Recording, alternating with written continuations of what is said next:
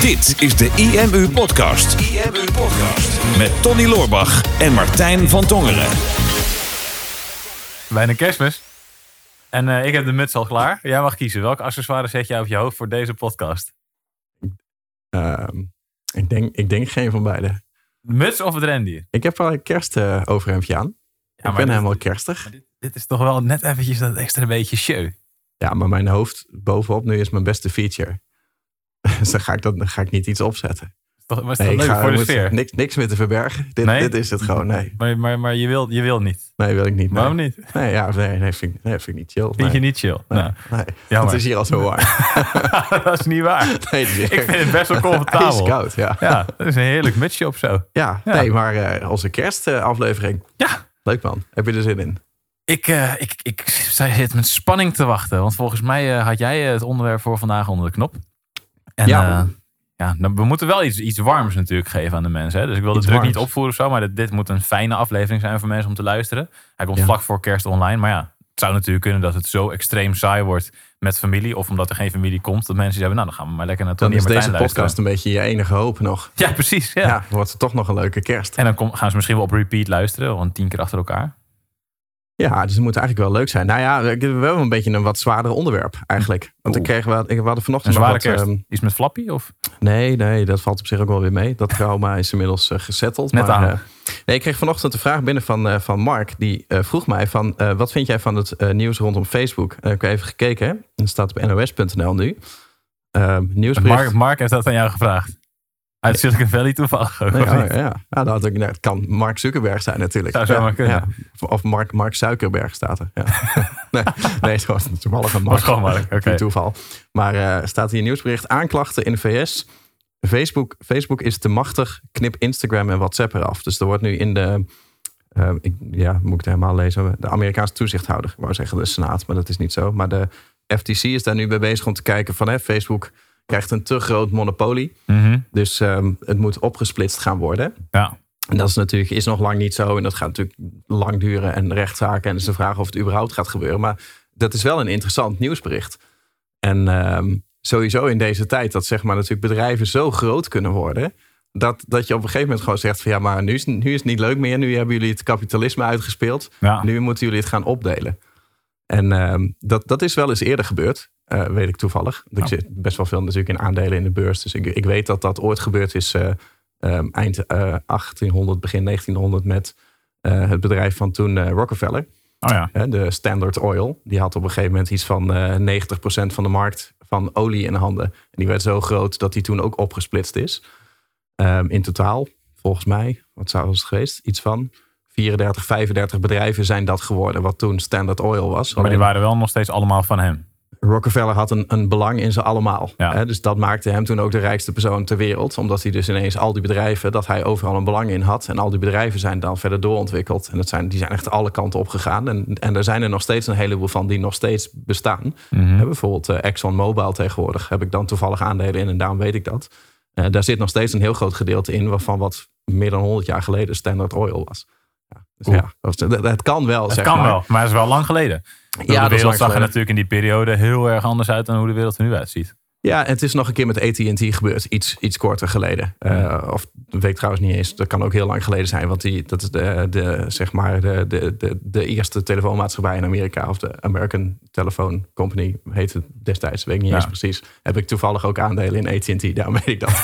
Ehm, dus het is wel leuk dat gewoon... Misschien is dat ik- veel vaker gebeurd, maar heb je gewoon toevallig in bedrijven waar het ook is gebeurd, heb je geen aandelen. Nou, ik, ik zie dat nu, want ik zie in die aandelen zowel Exxon als eh, AT&T zijn gewoon eh, grote bedrijven die heel stabiel zijn, die hoge dividenden uitkeren en dus hoge winstgevendheid hebben en waarvan je nu zou kiezen, het zou nu logisch zijn om daar aandelen in te kopen, vond ik persoonlijk.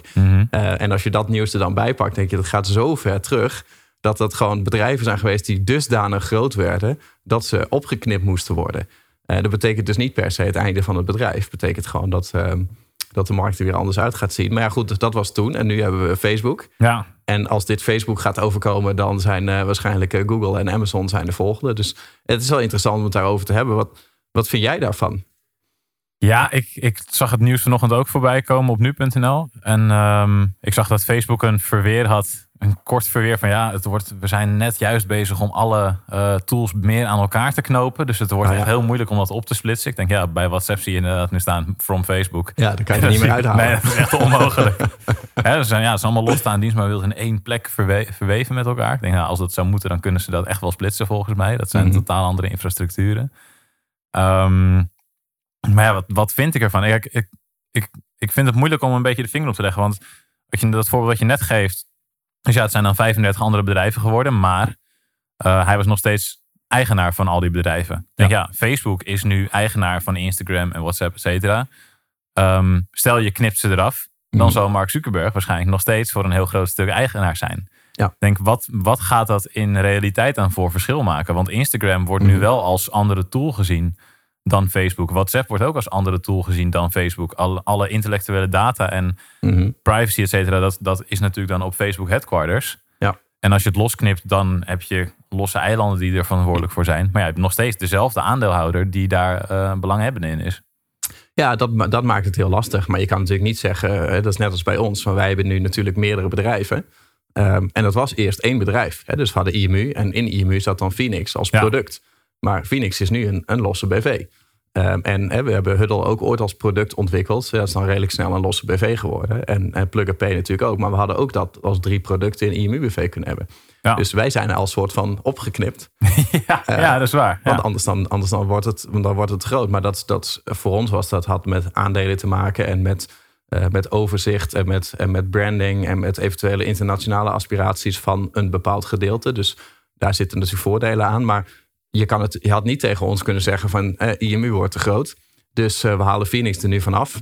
En dat is dan ook niet meer van jullie. Nee, precies. Of dat moet je verplicht verkopen bijvoorbeeld.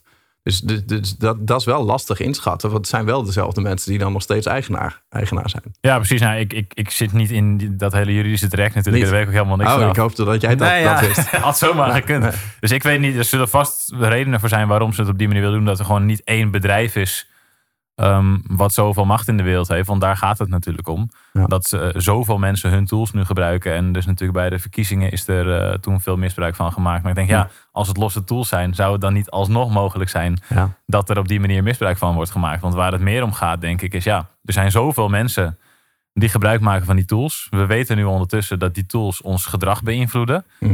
Ehm, dus ja, wat, wat kunnen we daar als overheid aan doen? Mhm. Dat er niet een be- bedrijf komt wat eigenlijk machtiger is dan wij als overheid zijn. Want dat is Ja. wat er eigenlijk gaande is natuurlijk met Mhm. social media, met Facebook en Instagram en ook Snapchat en TikTok. Dat zijn kanalen waar zoveel mensen actief op aanwezig zijn die hun Mhm. eigen gedrag beïnvloeden. Waardoor mensen die actief zijn op die kanalen het gedrag van de mensen die het volgen kunnen beïnvloeden. Op een hele andere manier dan de overheid natuurlijk gewend is geweest om de samenleving te structureren. Nou ja, kijk, het is wel. ehm, het, het gaat over een opsplitsing. Hè. Hier hebben ze bijvoorbeeld over haal Instagram en WhatsApp eraf. En Instagram en WhatsApp zijn natuurlijk wezenlijk andere bedrijven dan, dan dat Facebook dat is. Hè. Het is een wezenlijk andere tool. Mhm. Ehm, en eh, waar het dan om gaat, is dat je eigenlijk, eh, ik weet niet precies hoe het juridisch zit, maar dat je net zeg maar het concurrentievoordeel eh, er, eruit haalt. Hè, zodat de andere partijen makkelijker kunnen concurreren met bijvoorbeeld alleen Instagram. Of makkelijker kunnen concurreren met alleen WhatsApp bijvoorbeeld. Hè, in plaats van Ja. dat ze met het totaal zouden moeten concurreren. Ehm, en dat, dat was bij Standard Oil dest- destijds ook het geval. Ehm, en dat zie je bijvoorbeeld ook bij, bij Amazon nu. Ehm, hè, dat, die, dat is natuurlijk ook gewoon de grote reus die, die alles opslokt. Mhm. Ja, je kan eigenlijk bijna niet met Amazon concurreren. Eh, want wat de strategie eh, bij dit soort grote bedrijven is, en dat is een beetje het probleem, denk ik, dat eh, op een gegeven moment is het kwartje gevallen van het eh, principe van kapitalisme of vrije marktwerking. Dat is, dat is een heel mooi principe, vind, vind ik persoonlijk ook. Ik ben eh, liberaal in hart en nieren. Maar op een gegeven moment dan slaat het door, omdat mensen het inzicht hebben gezien van ehm, er is een soort van endgame hoe je het uit kan spelen. En ehm, dat kan je vergelijken met, we hebben het bijvoorbeeld over Monopoly. Nou, we hebben ook het spelletje Monopoly. Ook echt een fantastisch, Fantastisch spel. spel. Echt, ja. Maar Monopoly kan je in principe altijd winnen, eh, van tevoren al, als je de deelnemers akkoord laat gaan met eh, twee aanvullende spelregels. Hm. Weet jij welke spelregels dat zijn? Nee, ik heb, nee dit, is, eh, dit is nieuw voor mij. Nou, als je, als je gaat monopolieën en je zegt van oké, ehm, ik wil twee extra regels toevoegen. Ten eerste wil ik de optie hebben om geld te kunnen lenen bij de bank. Mhm. Dat, kan, dat zit normaal gesproken niet in Monopoly. Nee. We hebben het over de standaardversie. Hè? Mhm. Ehm, ten tweede, tweede regel is op het moment dat iemand op een straat komt en die straat wil kopen, dan moet er een vrije marktwerking zijn. Dan moet iedereen op dat moment kunnen bieden. Hmm. Dus als jij zegt, nou, ik kom op de Kalverstraat en dat kost eh, 400. geen- 400. Ja. Dan, en jij Ik wil dat echt, ik heb kopen. echt heel vaak gespeeld. Ik weet echt alle, alle prijzen. Nou, jij wil dat kopen, dan zou ik als medespeler zeggen: Oké, maar ik bied 500. Oh ja. Eh, en als ik het hoogste bod zou hebben, dan zou ik hem mogen kopen. Mhm. Als je die twee regels erin zet, dan, eh, dan, eh, dan, dan win je altijd. Als je maar genoeg lef hebt, als je het grotere plaatje ziet. Ja. Want wat gebeurt er namelijk? Op het moment dat iemand op een straat komt, dan blijf je net zo lang een hoge bod bieden. Maakt niet uit. Je kan een miljoen bieden Ja. als je hem maar krijgt. Ja. Want het gaat erom dat jij uiteindelijk ze allemaal hebt. Mhm. Want als jij ze allemaal hebt, dan is de enige vorm van inkomstenstroom die er nog is, die gaat jouw kant op. Ja. En jij kunt unlimited lenen bij de bank om, om assets te blijven kopen. En je kan ook geld lenen bij de bank om overal meteen hotels op te zetten, zodat jouw inkomstenstroom op gang komt. En ik merkte dat, ik speelde vroeger wel eens met mijn broer Monopoly. Mhm. Ehm, en, en die vond het dan prachtig, want die heeft dat, dat leensysteem toen eh, geïntroduceerd. Het Ah. waren, kinderen. Dat hebben jullie zelf bedacht. Nou, die hadden gewoon een kladblokje naast, naast Monopoly liggen. En dan eh, op het moment dat je dan een straat compleet had en je kon huizen gaan bouwen, dan sloot hij altijd een hypotheek af bij de bank voor een paar ton om daar meteen hotels op te zetten. Want hij wist hoeveel te eerder ik dat heb, des te eerder die inkomstenstroom komt en dan betaal ik, dat, betaal ik het wel weer terug. Ja. En dat was een zoveelste potje dat, dat ik op een gegeven moment tonnen in de min stond. Want elke keer als ik op een hotel van hem kwam, dan was ik eigenlijk uitgespeeld. Ja. Dus dan was het spel voorbij. Maar dan leende je geld om het te betalen. ja, want hij had zoiets van, ja, eh, je, je mag het wel van mij lenen of van de bank lenen. Dan kun je nog even verder. En want hij wilde niet dat het spel stopte. Want, waren- want hij had alles. 24 uur Monopoly aan doen. Ja, en, en ik was alleen maar... En ik zag het ook niet. Dat ik de hele tijd verder de minnen ging. Terwijl ik denk van ja, maar ik had dan nog één straat ergens... wat hij de hele tijd me angstvallig in stand hield. Mhm. Van ja, maar als jij dan een keer... als ik dan een keer op die van jou kom, dan verdien je ook geld. Maar, dus ik snapte het niet. Maar dat is heel erg wat het... Wat het, wat het wat, Ik snap wat, nu ook jouw, jouw, jouw idee van, ik, ik, ik wil alles eigenlijk altijd met eigen vermogen doen. Ik snap ineens waar, dat, waar dit vandaan komt. Ja, Hadden wij klopt. het toevallig van de week nog Ja. over. Van, ja, we gaan straks investeren in een nieuw kantoor en gaan we dat helemaal zelf direct betalen en een beuk in onze cashflow slaan. Mhm. Of gaan we daar misschien een klein krediet voor afnemen? Ja. En van, ja, een beetje onge- ongemakkelijk van om een krediet. Ik snap ineens helemaal waar dit vandaan Hier komt. zit het trauma. Ja. Ja. Ja. want ik heb van IMU is altijd met 100% eigen vermogen gefinancierd. Er is Ja. nooit, nooit een eurocent vreemd vermogen ingegaan. En de broer die dit heeft gedaan bij jou was Gerard, neem ik aan. Ja, Ja, en de Gerard die heeft alles, al zijn, zijn hele imperium opgebouwd met vreemd vermogen in klopt. principe, toch? Klopt. Ja, Ja. Dus wij leiden het- hetzelfde leven, maar ik doe het altijd met eigen geld en Gerard doet het altijd met vreemd vermogen. Ja. Ja, en eh, dat, is heel, dat is heel interessant. Alleen ehm, wat je dus ziet, is dat bijvoorbeeld ook een Amazon, die weet dit. Eh, Uber, die weet dit ook. Eh, andere grote partijen, die weten dit ook. Dus wat doet Amazon? Die ziet een nieuwe markt ehm, die, waar een succesvol product in zit, een succesvol bedrijf. Zij stappen die markt in. Ze gaan met een prijs zo laag zitten dat ze alle andere concurrenten kapot maken. Totdat alle andere concurrenten weg zijn. En dan is de markt voor hun. En dan kunnen ze doen wat ze willen. Ja. Dus, eh, en dat is Uber ook. Uber maakt natuurlijk miljarden, miljarden verlies. Je snapt niet hoe kan zo'n bedrijf in godsnaam nog steeds bestaan. Maar het enige wat zij doen is gewoon net zo lang blijven funden en daar kapitaal achter blijven zetten. En hele goedkope taxiservices aanbieden. Totdat alle lokale taximaatschappijen een probleem hebben en verdwijnen. En totdat het een gewoonte is geworden dat mensen niet meer denken: ik ga een taxi bellen. Maar dat iedereen standaard met de Uber gaat. ja. Ehm, heeft, doet Zalando in zekere zin ook. hè? Ik hoorde van, de- van de week, hadden we hadden met Maartje over Oktoberfest, daar zijn wij natuurlijk geweest. Mhm. En ehm, Maartje drinkt niet uit ons team. En wij, Mm. het zou kunnen dat wij op Oktoberfest wel een beetje wat gedronken hebben. Ja.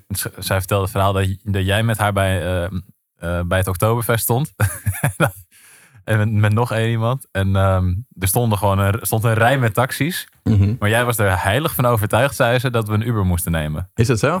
ja. Nee, nee, echt een Uber is veel sneller, is veel beter.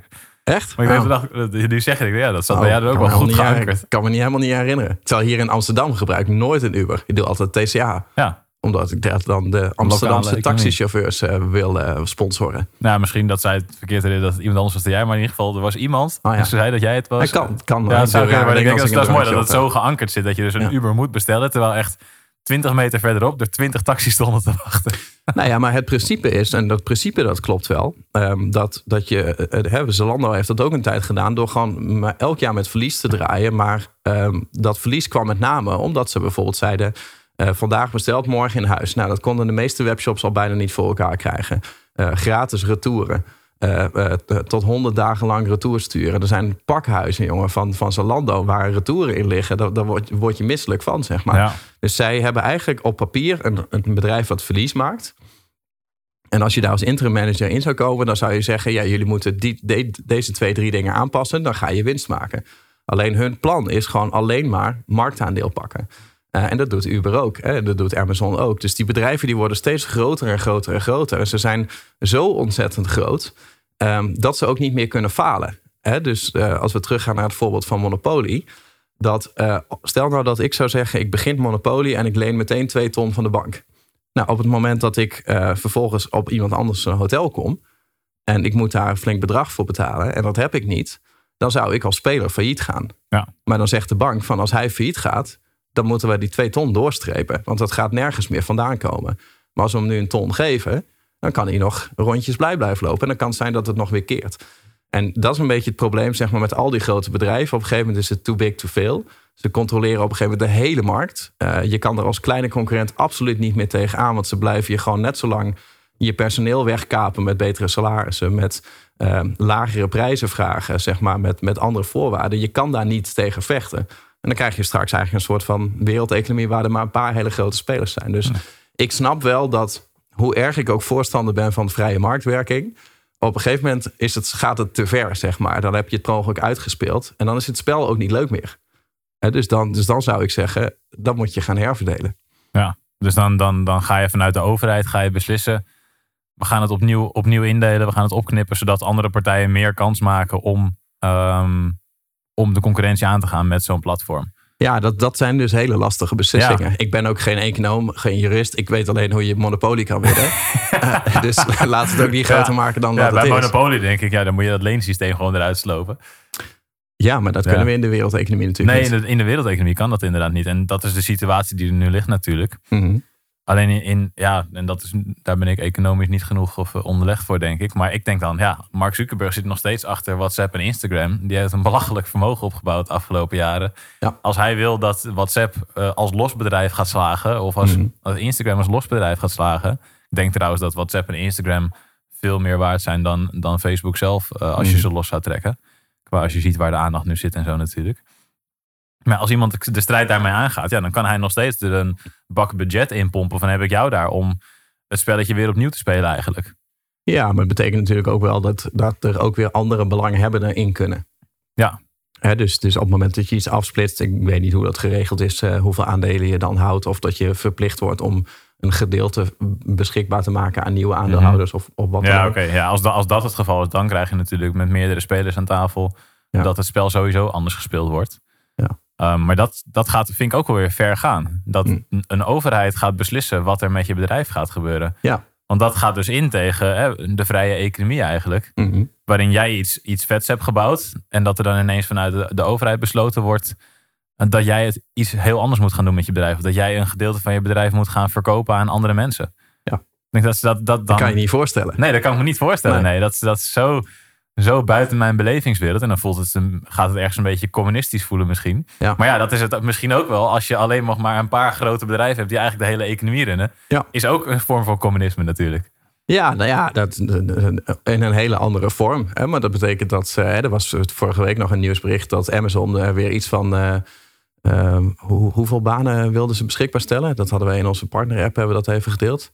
Dat ging echt om, 350.000 of ja, zo. ging echt om honderdduizenden banen die zij Ja. dan gewoon beschikbaar stellen voor volgend jaar. En dan denk je ook van ja, dat, dat soort reuzen, straks, ja, dan, dan werkt dus iedereen bij hetzelfde bedrijf. Ja, En denk, ja, natuurlijk, het, het is allemaal maar verzonnen. Hè? De economie is verzonnen, geld is verzonnen, bedrijven zijn verzonnen. Uiteindelijk proberen we ook maar gewoon iets met onze tijd te doen en een soort van efficiënt Mhm. systeem te maken. Maar denk, ja, eh, maakt het dan uit dat, dat, dat, zeg maar, dat je bij honderd verschillende bedrijven werkt die allemaal hetzelfde proberen te bereiken, namelijk gewoon spullen verkopen. ja. Eh, of kan je, kan je dan efficiënter beter zeggen, er is maar één bedrijf die dit doet en iedereen werkt bij hetzelfde bedrijf. Het zou in principe veel praktischer zijn. Ja, maar ja, ja concurrentiestrijd haalt ook wel eh, ambitie naar boven. En, Ja. en zet je op scherp. En, en zorgt voor innovatie. Zelfs, zelfs oorlogen zorgen voor innovatie. Dus ja, ik, ik weet ook niet of dat, eh, of dat allemaal zo simpel is. het grappige is het verschil natuurlijk met, met hoe dit nu ontwikkelt. En het verschil met het, het communisme. als, je, als je terug gaat in de tijd. Nu hebben we het gevoel als consument Mhm. dat wij zelf de keuze maken.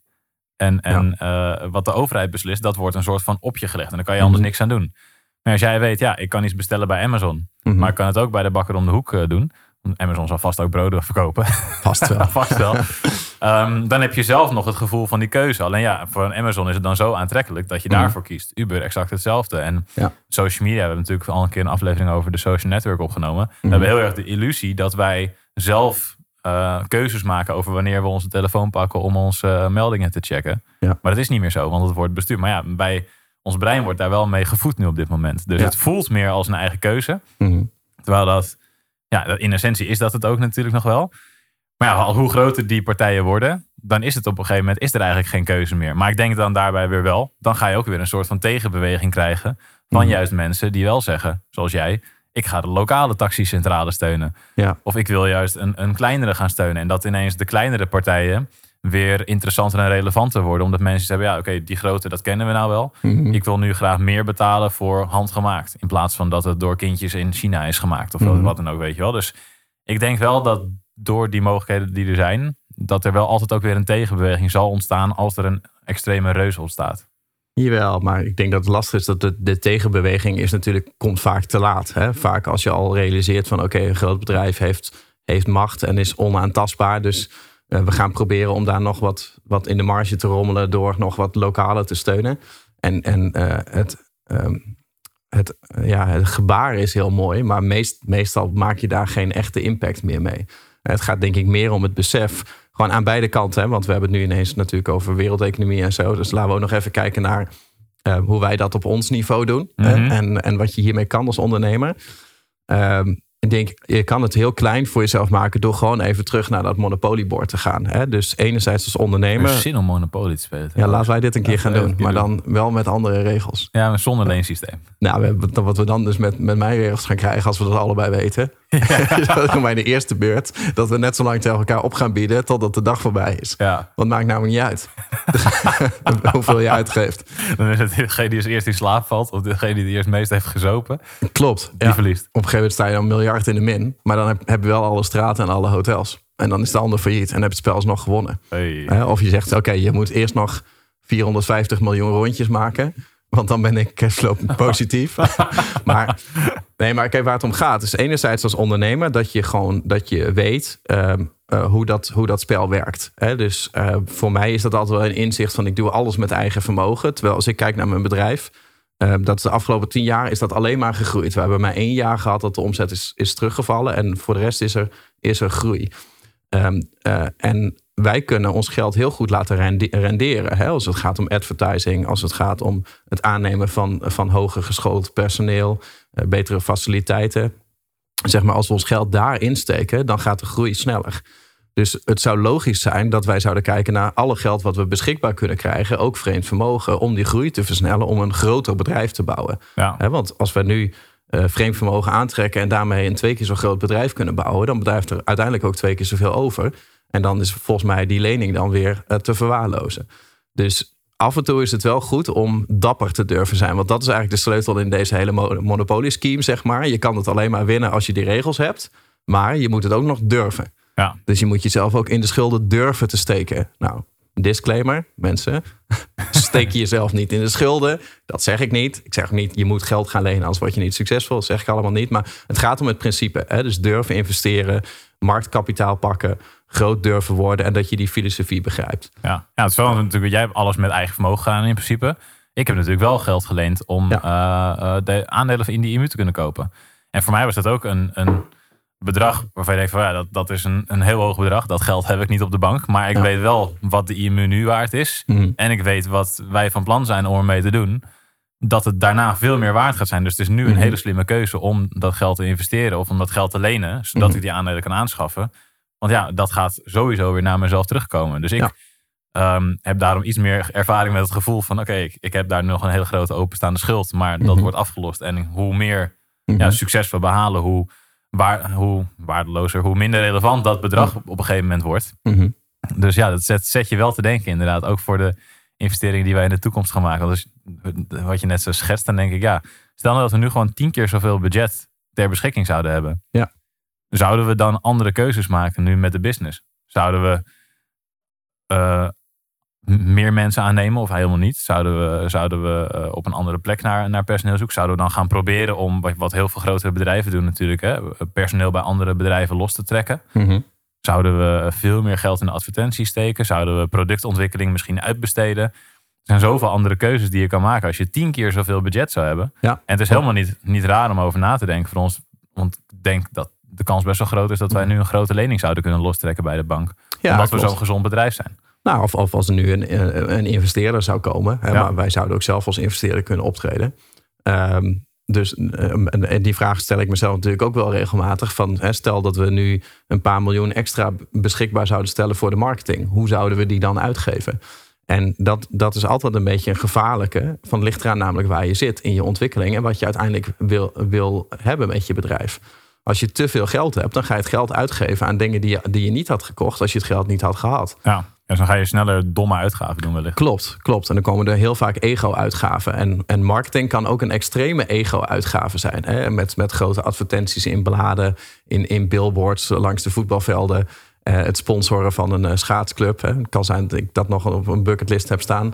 dingen. En, en die kunnen heel nuttig zijn, maar daar heb je niks aan als je net gestart bent. Wij, voor ons, IMU heeft er nu geen zak aan om op een billboard langs het voetbalveld te gaan staan, bijvoorbeeld. Want dat is veel te ver van ons af. Dat is veel te breed. Ehm, dus het moet in de juiste fase zijn. Ehm, en je moet ook de juiste strategie hebben. Kijk, wij hebben bijvoorbeeld softwarebedrijven met abonnementen. Nou, eh, op dit moment hebben daar, eh, draaien die gewoon winstgevend. En wij kunnen nu uitrekenen, bijvoorbeeld, eh, nou, laten we zeggen, we hebben een, een softwarepakket. Dat kost eh, 50 euro per maand. Noem maar even iets. En het kost ons nu gemiddeld 25 euro om een klant binnen te halen.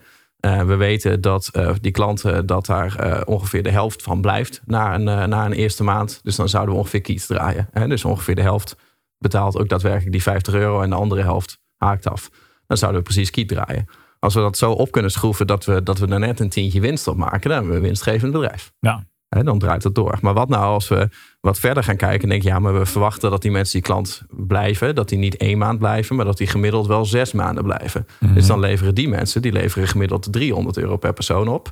Nou, omdat dat maar de helft van de klantengroep is, kan je eigenlijk stellen dat elke klant ongeveer 150 euro oplevert Ja. binnen zes maanden. Dan mag je al 150 euro uitgeven om een klant te krijgen.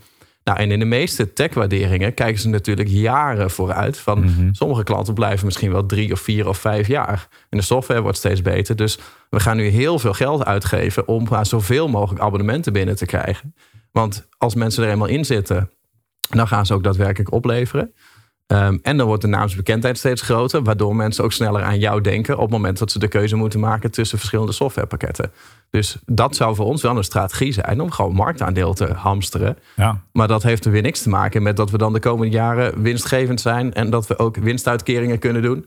Ehm, en dat we misschien hele andere investeringen gaan maken. Dan moeten we met, met vreemd vermogen gaan werken en dat soort dingen. Dus ehm, ik, ja, ik heb altijd aan de veilige kant gezeten. Mhm. Gewoon lekker rustig bedrijfje bouwen. En wij blijven gewoon elke keer eh, aan dezelfde klantengroep die we hebben, blijven we ook gewoon wel extra producten vermarkten. Hè? Dus extra softwarebedrijven, ehm, extra, extra diensten, extra participaties. Dat is eigenlijk ook een beetje het Amazon-principe. En volgens mij zijn wij daar wel eens voor uitgemaakt door iemand die zei: dit zijn eh, Amazon-achtige Amazon- praktijken. Amazon-achtige ja, omdat praktijken. er weer een bedrijf eh, bij kwam. Ja. Ja, omdat wij eigenlijk gewoon zeggen van we pakken met IMU zo groot mogelijk marktaandeel om, om eigenlijk heel ondernemend Nederland eh, te bereiken en, en, en warm te maken met online marketingadvies. En, Ja. z- en zodra iemand dan iets bij ons wil kopen, dan kunnen we ze naar heel veel verschillende plekken toesturen. En. Dus zo kunnen wij ook steeds groter gaan. Nou, een mooi. Ik, ik vond het ook een mooi compliment ergens. Ja, De, de, de intentie erachter hebben we natuurlijk een gesprek over gevoerd. Maar ik denk, ja, het is wel mooi als je met Amazon wordt vergeleken. Ja, het is, het is, het is, het, het- wij willen gewoon, maar het is ook, dat is ook een beetje het, het gekke er nog wel aan. We kunnen hier echt nog zo lang over praten. Mij. Ik denk, ja, we willen gewoon een heel vet bedrijf bouwen en heel veel mensen helpen met hetgene wat wij doen. En op een gegeven moment bouw je dan dus inderdaad een imperium, omdat je weet, ja, we willen mensen helpen met dat ze het zelf kunnen doen. We willen Mhm. mensen leren. We willen ook ervoor zorgen dat als mensen het niet zelf willen doen, dat ze bij een partij kunnen komen waarvan we weten dat de kwaliteit goed is. Want er zijn Mhm. enorm veel pannenkoeken in de markt. Mhm. Als het gaat om online marketing uitbesteden. Dus laten wij dan een goed bureau neerzetten, zodat mensen daar naartoe kunnen. Dus het komt ook allemaal vanuit een plek van we willen die mensen op een goede manier helpen. En tegelijkertijd daar zelf een hele mooie business van bouwen. Maar ja, als dat dan dus te groot wordt, wie weet dat over tien jaar dat, we straks, eh, dat wij straks aan de, aan, de, nou ja, aan de schandpaal gaan. Denk je, je, je dit, hè, deze podcast staat misschien ietsje verder van, van andere podcasts af. Ehm, maar je kan er een aantal gedachten uithalen. Zoals normaal gesproken, als je zou zeggen van we gaan heel veel verschillende producten vermarkten en heel veel verschillende bedrijven starten. Dat is een uitermate dom idee. Klopt. Hè, En dat, dat, daar twijfelen wij ook vaak over. Van, ja, hadden we niet in moeten zetten op eentje. In plaats van dat we onze focus verspreid hebben over drie, drie software tools. En dan nog IMU met, eh, met eh, hè, eh, o- online coachingstrajecten. En dan nog traffic leaders met de dienstverlening. Nou, daar hebben we nog salespassie met sales uitbesteden. Daar hebben we er nog wat dingetjes omheen. We hebben ook wel eens overwogen, nu we ons eigen boek uitgeven. Van nou, hè, dan komt er eh, IMU uitgeverij bij. Want ja, we hebben toch al staan. En we kennen vet veel ondernemers in ons netwerk die graag een boek willen uitgeven. Dus ja, waarom zouden ze dat dan niet via IMU doen? Dus er komt inderdaad steeds een hele logische stap bij. En er komen steeds meer mensen en er komen steeds meer aandeelhouders. Dus het begint echt een soort van superorganisme te worden. Een soort van IMU-virus wat, wat, aan, wat aan het groeien is. En dat is zeg maar, enerzijds is dat een heel dom idee, omdat het je focus splitst. Ehm, maar als je het vergelijkt met de strategie van een Amazon bijvoorbeeld, hoe zij het aanpakken, ehm, dan is het een heel goed idee. Maar dan moet je bereid zijn om gewoon op lange termijn te investeren en het totale plaatje te zien en meer te rekenen op wat is dan ieder individu wat klant wordt bij mijn bedrijf, wat is die dan waard? En als jij maar één product verkoopt, dan is het moeilijk om die klantwaarde omhoog te krijgen. Maar ga je naar een membership, dan wordt die klantwaarde al veel groter, als, het- als de retentie goed is. En heb je heel veel aanvullende diensten en bedrijven. En dat zal Facebook straks ook hebben met Instagram en met eh, WhatsApp. Zij kopen in principe gewoon gebruikers die ze zo lang mogelijk op hun platformen willen hebben, zodat ze die gebruikers ook weer door kunnen sturen naar eh, het volgende bedrijf wat ze hebben, wat ze hebben gekocht. En Ja. dan, is- dan is het juist heel slim. Ja, dus eigenlijk de takeaway van deze hele podcast is zorg ervoor dat je bedrijf een superorganisme wordt. Nou ja, ik denk als je het terugbrengt naar het monopoliespel, hè, dat is eigenlijk de, de, de twee kanten. Van, hè, dat je het spel snapt en dat je enerzijds denkt van oké, als je die strategie hebt en je weet hoe je wil groeien, dan moet je durven investeren. Mhm. Eh, want want dan, dan ga je eigenlijk voorsorteren op het succes wat later komt.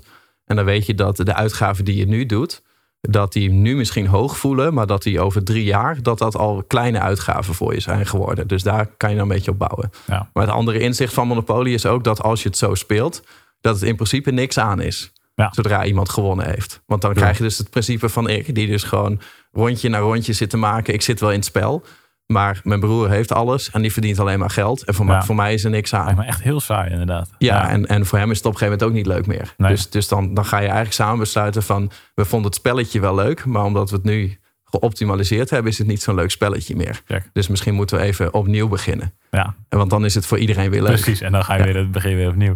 Ik, heb, ik heb speel Monopoly ook al eh, een hele tijd niet gedaan, maar ik denk dat ik ongeveer drie, drie kwart van de keer een spelletje wel weet te winnen. Hm. Ik speel altijd met dezelfde strategie, maar de meeste mensen die, die dit is echt dit is een kersttip, hè? Want ja, ik denk, heel veel mensen, heel veel mensen gaan is. waarschijnlijk Ja. Monopoly spelen. Ja. Dat is ook lekker dat wij Monopoly nog gaan doen. Ik mijn strategie ga delen. Maar Ja, doe maar. Ja. ehm, de meeste mensen die staren zich blind op de duurdere straten.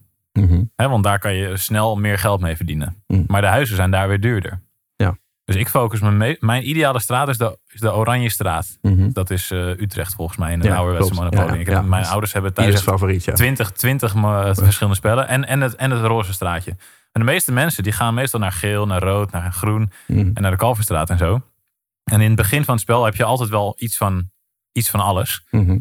En ik probeer dan zo snel mogelijk die oranje of die roze binnen te trekken. En dan geef ik daar veel meer waarde voor, voor weg. Mhm. Maar ik weet wel, zodra ik langs start ga, dan kan ik meteen twee huizen erop gooien. Ja. Dus voor je het weet heb je daar alsnog best wel veel Ja, huisjes je op bouwt staan. zo snel mogelijk een cashflow machine. Precies, ja. Maar dat komt dat jij zonder leningen speelt. Ja, Dus jij moet doen met de muntjes die je voor je hebt liggen. Ja, exact. Ja. Dus Dus, dus als je zonder zo- leningen ja. speelt, dan, dan is dit mijn strategie. Dus als je, als je nu met kerst straks Monopoly gaat spelen, probeer dit eens. Ja, maar dat wordt dus bonje. Maar dit, is ook, bonje. dit was in de familie Loorbach vroeger, was dat gewoon die oranje straat. Dat was, iedereen zat alleen maar daarop. was de de rest deed helemaal niet mee. dus er was alleen maar één strijd. Dus zodra iemand daar dan eentje van had, of daar in de eerste ronde op kwam en dat kocht, was de rest ook echt, god. en dat was bij de rest helemaal niet zo. Heel vaak dat je gewoon dan verderop op het bord kwam op een straat en dat je zei, ja, ik koop hem niet. Ja. Want ik wil mijn geld oranje hebben. Ja, precies. dus ja, die, die, die snap ik wel. Maar het is wel een leuk principe. Ja, Hè, dat je gewoon eh, als ondernemer kijk je natuurlijk ook van ik moet zo snel mogelijk een, een soort van cashflow machine bouwen. Ehm, want dan, dan doe ik mee en dan kan ik een keer een tik hebben. Eh, en dan, dan heb ik slagkracht. En als je alleen maar aan het bouwen bent voor de toekomst, dan, dan kan dat natuurlijk niet. klopt. Tenzij je dus mag lenen. En dan verandert het spel. Hmm. Dus het is eigenlijk gewoon mooi om een, eh, een macro-economisch probleem terug te brengen naar een bordspel. Ja, vind ik ook wel, ja. Precies. Helemaal weer zin om Monopoly te doen. Nee. Ja. Goed. Ehm, ben heel benieuwd wat je van deze aflevering vond. Wat ander topic dan, eh, dan de vorige podcast. Eh, laat dat even weten door een reactie achter te laten. En natuurlijk even een duimpje omhoog te geven. En we willen je natuurlijk een hele fijne kerst wensen. En alvast een heel gelukkig nieuwjaar.